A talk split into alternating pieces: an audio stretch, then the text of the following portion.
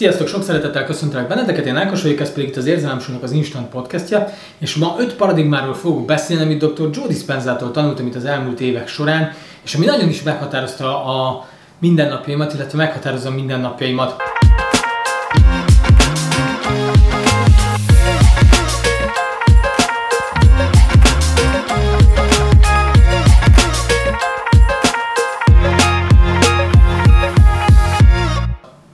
Az első, ne hagyd, hogy a környezeted irányítsa az érzelmeidet. Miről is van itt szó? Ugye amikor a hétköznapokban éljük az életünket, és megyünk az utcán, meg csináljuk a dolgunkat, vagy megyünk be a munkahelyünkre, iskolába, bárhova, akkor különböző minták vannak bennünk eltárolva arról, hogy adott szituációban mit érzünk. És ezeket az érzéseket lényegében automatikusan kapcsoljuk be, és hát mondhatni egyfajta áldozataival válunk a külső valóságnak, tehát amikor valaki azt mondja nekem, hogy nem tudom, rosszul csináltam ezt vagy azt, akkor meg bennem bekapcsol egy automatikus program, ami ebből következik, és erre reagálok. És ezáltal lemaradok olyan megtapasztalásokról, amik egyébként meg egy sokkal szélesebb, sokkal tágabb spektrumú világban tudnának működni. Tehát arra gondolok, hogy lehetne ott 15 másik dolog is, amit én megtapasztalhatnék és megélhetnék egy-egy ilyen mondattól. És azáltal, hogy én beskatujázom magamat abba a külső környezetből felépített történetekbe, amik jönnek felém, és ezeket elfogadom magamévá teszem, vagy betör, beletörődök, de akár lehetnek ezek ö, hírek is, vagy bármi más is. Tehát én azt mondom, hogy ez az én valóságom, akkor igazából ezzel determinálok egy csomó mindent saját magamban, és adott esetben felülírok egy csomó olyan dolgot, ami egyébként meg a célom, ami meg az utam, ami meg az irányom. Tehát az hogy, az, hogy azt mondják az iskolában nekem, hogy hú, nem vagyok elég ügyes, nem vagyok elég okos, vagy azt mondják a munkahelyemen, hogy hú, nem csináltam meg elég jól ezt a feladatot, vagy nem teszel bele annyit, mint a másik, vagy egy edzésen nem nem úgy állsz hozzá a dolgokhoz. Ez egy külső szemlélőnek a valósága, nem az enyém, és ez az ő hitrendszeréből fakad, és ez az ő egyéni szubjektív valósága. Az, hogy én ebből mit engedek be, és mit hiszek el magam részére, az meg az én felelősségem. És ez nekem egy nagyon fontos üzenet volt, ez dr. Joe Dispenzának a szemléletéből ezt megtanulni, hogy, hogy nem adok teret annak, hogy a külső valóságban lévő ingerek ilyen formában hassanak rám, hanem igenis objektíven próbálok ránézni arra, hogy mi zajlik bennem ilyenkor, mi jön fel bennem az adott helyzetben, és mit tudok ezzel kezdeni. A második, mindannyian be vagyunk valahogy húzalozva valamilyen programra, megint csak ezt kell, hogy mondjam. Az alapprogram azt kéne, hogy legyen, hogy ne innen gondolkozunk, hanem innen érezzünk, és hogy a szeretet és hála legyen az alapműködésünk, hogy tanulunk érzelmeket, tanultunk érzelmeket tudattalanul, és ez is kb. mondhatnám, hogy az érzelmekkel is edzenünk kéne, és edzenünk kéne saját magunkat kondicionálni arra, hogy másfajta érzéseket érezzünk minden nap, de ugye pont az első programból fakadóan ez igen csak nehéz tud lenni. Tehát igenis foglalkoznunk kell azzal, hogy szeretetet és hálát érezzünk minél többször, mert hogy ez az alap értékünk, ez az alap üzenetünk, ez az alap működésünk, hogy szeretetben és hálában vagyunk. És minden egyéb más, az csak ennek a hiánya, ennek a, ennek a megnyilvánulásnak, tehát a, tehát a szeretetnek és a hálának tulajdonképpen, vagy a szeretet és a hálának a, a hiánya. Tehát a gyűlölet, a harag, a félelem, az összes többi mindenféle negatív érzés, de akár a különböző vágyaknál megjelenő érzések is, ez mind az egységbe való tartozásnak a kiszakadásából, az egónak a, az egónak a szeparáltságából fakad, és nekem ez egy nagyon értékes lecke volt azt, azt megtanulni, hogy, hogy a, a szeretet és a hála az az alapbázisom, és hogy bármi is történik körülöttem, minden körülményektől függetlenül megpróbálom és élem azt, hogy szeretetbe és hálába legyek, és hogyha ebből kibillenek, akkor azon törekszem, hogy ebbe visszajussak. Három. A gondolataink és az, amiben hiszünk, hozzák létre tulajdonképpen a valóságunkat. Az első kettő szorosan kapcsolódik, hiszen ha nekem van egy történetem, van egy utam, amit szeretnék bejárni, akár egy célom, egy vágyam, hogy valamit el akarok érni, akkor az, amit én beengedek magamnak, és az a történet, amit én magamban beszélek erről, meg magamban akár csak érzek, és az érzések és gondolatok kapcsolódásából megjelenítek, az tulajdonképpen determinálni fogja azt, hogy hol vezetek. Csak hogy ebbe is ilyen automatizált programok futnak, és ezért nagyon sokszor automatizáltan vagyunk tulajdonképpen eleve elrendelve bizonyos utakra, bizonyos élethelyzeteknek a megtapasztalására, bizonyos sorsra vagyunk szánva saját magunk által igazából, mert hogy ez a mi választásunk, van hozzá hatalmunk, hogy ezt felülírjuk, tehát az, hogy hogyan gondolkozom dolgokról, vagy mit jelentenek nekem dolgok, vagy mit jelentenek nekem emberek, szituációk. Nagyon értékes lecke volt ezt megtanulni, hogy ezek milyen hatással vannak a valóság teremtésemre. És lehet, hogy én a tudatos énemmel próbálok teremteni, és minden egyes nap valamilyen célt kitűzni, de hogy bent a tudattalamban olyan programok futnak, amik ezt meggátolják, és a tudattalanunk az a 99%-a lényegében, vagy 98%-a a, a személyiségünknek, ami automatizáltan szalad, és hogy igazából nekünk erre kell rálátnunk erre az automatizáltan futó programra, ami bennünk van, és a gondolataim és a hitemen keresztül teremtem, akkor tisztában vagyok azzal is, hogy ebben van felelősségem, és nem leszek áldozat szerepben abban, hogy külső környezetből mi történik, hanem én képes leszek ezt birtokolni, uralni, pontosan mondjuk az első, az előző kettő eszközt is használva. És akkor a negyedik, ezt nagyon szeretem. Ha gondolataink meg tudnak betegíteni minket, akkor a gondolataink meg is tudnak gyógyítani. Erről rengeteget beszél Joe Dispenza a a Placebo című könyvétől elkezdve hanganyagokon keresztül nagyon sokszor találkozunk ezekkel, és ő szépen tudományosan, amivel én most nem megyek bele, de szépen tudományosan végvezeti azt, hogy egyébként ezeknek milyen kémiai, milyen biológiai folyamatai vannak. Beszél epigenetikától elkezdve agykutatáson keresztül nagyon sok területet fog össze, és nagyon mély tudása van ezeken a területeken, és mindig örömmel hallgatom egyébként azokat a az előadásait, azokat a beszélgetéseit, amikor, amikor ezekről beszél, mert hogy segítenek újra és újra megerősíteni bennem ezeket a dolgokat, és persze én nem vagyok ilyen szempontból az a korosztály se talán, meg az a, meg az a mentalitás se, hogy, hogy, hogy mondjuk az egészségbetegség témával foglalkozzak, de az nagyon fontos, hogy látom annak a pozitív előnyeit, hogy ahogyan működök, ez biztos, hogy hatással lesz arra, hogy sokkal egészségesebb és sokkal tudatosabb tudok lenni, mint ha mondjuk a régi működéseimet vinném, amiket mondjuk sok évvel ezelőtt vittem. Annak ellenére, hogy akkor is nagyon sok mindenre odafigyeltem, és a táplálkozástól elkezdve a gondolataimon keresztül, de az utóbbi pár évben tényleg mióta itt jobban elkezdtem a Dr. Joe Dispenzának az anyagaival foglalkozni, meg gyakorlatba beleültetni az én életembe azt, ami nekem átjön az ő üzeneteiből, azóta nagyon sok minden feltárult bennem a saját magammal kapcsolatban, és ugye ez, ami már beszéltem egy korábbi videóban erről, hogy mint a hagymahéj, hogy hogy azt hiszi az ember, hogy hú, én most leszettem ezeket a hagymahéjakat, és akkor ott van benne az eszencia, de aztán utána mindig rájön az ember, hogy hú, itt még van, még van valami, még van valami, és még tovább bontogatjuk ezt az egészet, és még mélyebbre megyünk ebbe az egész folyamatba, és én nem gondolom, hogy ennek lesz valamikor is vége, majd az életünk végén valami másfajta konklúzió, vagy valami mélyebb megértés köszön be, de, de hogy de hogy addig pedig szerintem igenis felelősségünk az, hogy a saját valóságunknak a határait tágítsuk, és a saját egészségünkre tudatosak legyünk, a saját gondolatainkra tudatosak legyünk, hiszen rengeteg olyan helyzet van, amiben stressz helyzetben vagyunk, és nem is gondolnánk azt, és az emberek nagy része stressz helyzetben van,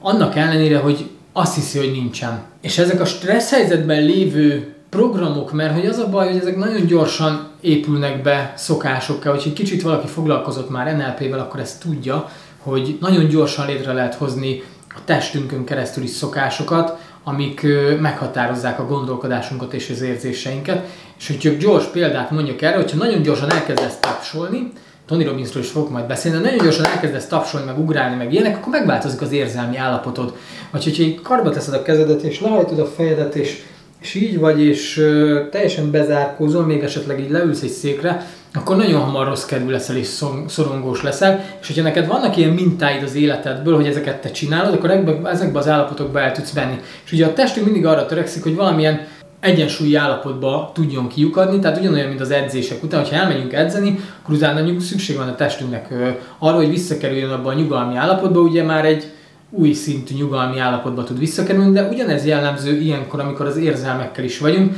Ezért van az, hogy embereknek szüksége van akár mondjuk egy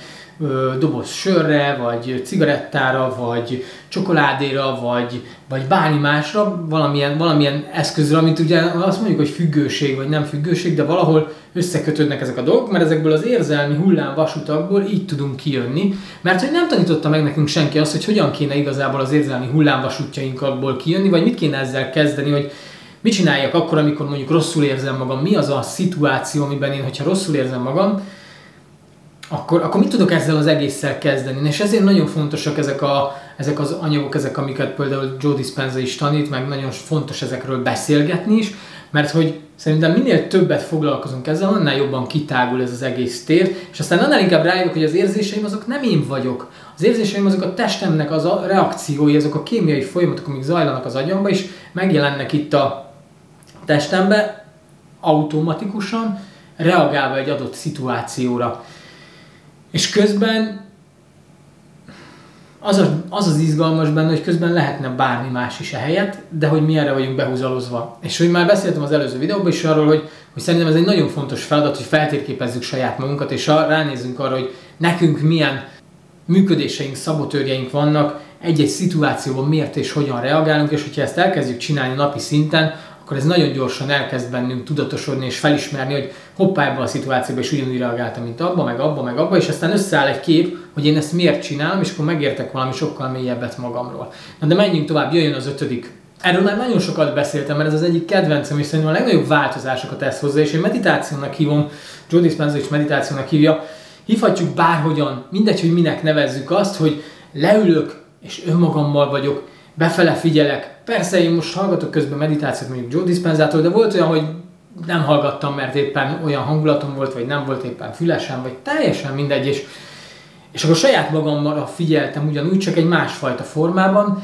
és, és ezek a belső programozások, amikor képesek vagyunk átváltani ebbe a tudattalan állapotba, vagy képesek vagyunk hozzáférni ez az operációs rendszerhez, ami bennünk működik, akkor, akkor nagyon sok mindent felül tudunk írni, akár egyik pillanatról a másikra. Majd mesélek egy másik videóban is erről, hogy például a Mindwell is Vishen Lakiani milyen technikákat használ erre. Ő ugye egyfajta agykontrollal, ugye a Silva-féle agykontrollal is foglalkozik, és ott is nagyon érdekes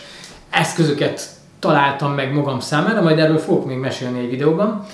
És ami a fontos szerintem itt a meditálj minden nap, egy én ezt úgy fordítottam le, hogy meditálj minden hajnalban, mert hogy Joe Dispenza azt mondja, hogy van két olyan állapot, amikor az embernek a melatonin termelődése a legnagyobb, és ugye ez a, ez a reggeli felébredés utáni, vagy felébredés közbeni pillanat, és a másik pedig a, az elalvás előtti pillanat, és ugye ez a melatonin meg a serotonin hormonoknak a, a, a fényre érzékeny, tehát a fényre Hát valahogy így fogalmazta meg, hogy ugye a fény hatására indulnak be ezeknek a termelődése, vagy pedig csökken le a másiknak a termelődése. És ilyenkor természetes módon sokkal egyszerűbb nekünk mondjuk egy, egy mielőtt még a béta állapotba lépünk, ugye egy alfa állapotban maradni, vagy amikor már elalvás előtt vagyunk, akkor mondjuk ugye a béta állapotból már átkezdünk csúszni az alfa állapotba, és aztán majd a tétába is így egyre mélyebbre. Tehát, hogy mindig ezek a folyamatokban, hogyha benne tudunk lenni, és amikor meditálok, akkor megpróbálok benne maradni, benne tartani magamat ebbe az alfa téta közötti állapotba, és ott tudatosnak lenni, és ott dolgozni saját magammal, és ott a belső programjaimat tisztítani, felismerni, és ez egy igen izgalmas, néha nagyon nehéz, néha meg nagyon ilyen flow élmény, attól függ, hogy hogyan, hogyan kapom el a fonalat. Mert hogy valamikor az ember felkel, és beindul egyből az agya, és nagyon nehezen tudja kikapcsolni. És például ma reggel is egy ilyen meditáció volt, hogy így elindult az agyam, mert volt benne valami kihívás, és akkor bekapcsoltak programok, és akkor ültem a meditációba, és és így engedtem, elengedtem, és volt, amikor így elcsúszott, volt, amikor visszajött, és egy ilyen kicsit ilyen hullámvasút élményem volt, tehát, hogy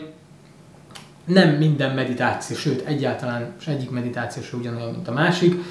de ettől függetlenül minden meditáció értékes, mert mindegyik közelebb vissza ahhoz, hogy többet értsek meg magamból, a belső működésemből, és az, hogy ki meddig meditál hajnalba, ki meddig tudja ezt csinálni, vagy hogyan, hogyan alakítja, Joe Dispenza azt mondja, hogy reggel négykor kell, és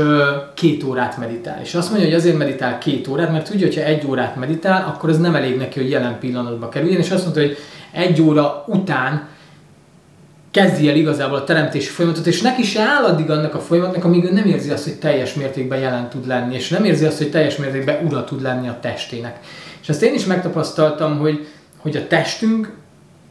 főleg az elején, amikor ugye az ember csak mondjuk 5-10 perceket ül le, és utána mondjuk fél órát ülnie kell, és van egy ilyen, van egy ilyen a test elkezd lázadni, hogy én ezt nem akarom, én máshol kell, pörög, ezt kéne csinálni, oda kéne menni, stb. Tehát, hogy egy ilyen elkezdi kimozgatni az embert ebből az állapotból, és ott bizony meg tudjuk tanítani magunknak azt a fajta önfegyelmet, hogy ebbe a szituációba, állapotba benne tudjunk maradni, és hogy ne hagyjuk azt, hogy, hogy a testünk elvigye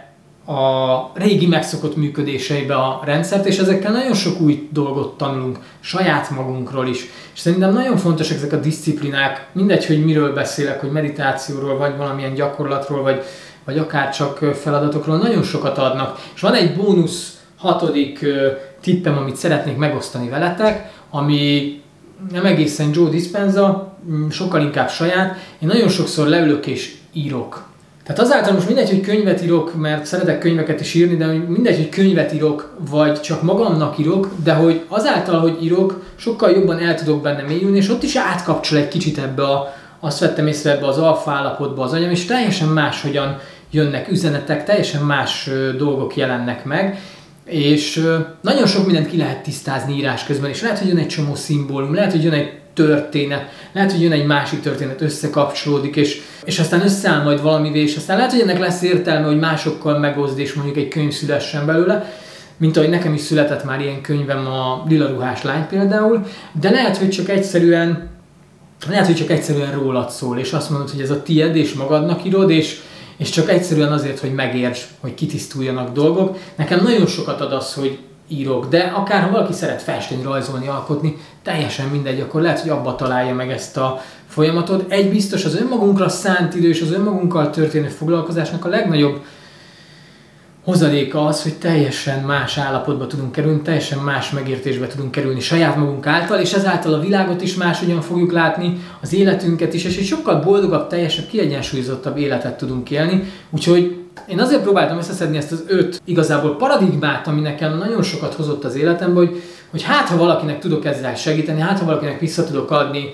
abból, amit én is kaptam mondjuk Dr. Joe dispenza mert hogy hihetetlen érték van benne, és én nagyon hálás vagyok azért, hogy, hogy így ráakadtam. Minden mellett meg azt érzem, hogy a saját utamat tudom járni, tehát nem érzem olyan szintű befolyásoltság alatt magamat, hogy most én kinek a meditációt követem, vagy kinek nem, és ez a tisztaság ez szerintem nagyon fontos. Mert hogy egyébként meg hiszek abban, hogy nem megmondó emberek kellenek ebbe a világban, hanem inkább beszélgető partnerek, tanító partnerek, akiktől egymással tudunk tanulni. És mivel hogy most én itt egy kamera előtt beszélek, ezért én most nem feltétlenül tudok így tanulni tőletek, de más formában meg abszolút tudok, és bízom benne, hogy én is tudtam átadni tudást, értéket, ami többé, szebbé vagy boldogabbá teszi a pillanatotokat, a napjaitokat, máshogy tudtok ránézni az életre, de ugye, ugye ezt ti is kelletek. Köszönöm szépen, hogyha megnéztétek ezt a mai epizódot, és kérlek iratkozzatok fel a csatornára, hogyha tetszett, és jövünk jövő héten egy következő epizóddal. Legyen szép hétvégétek, sziasztok! thank you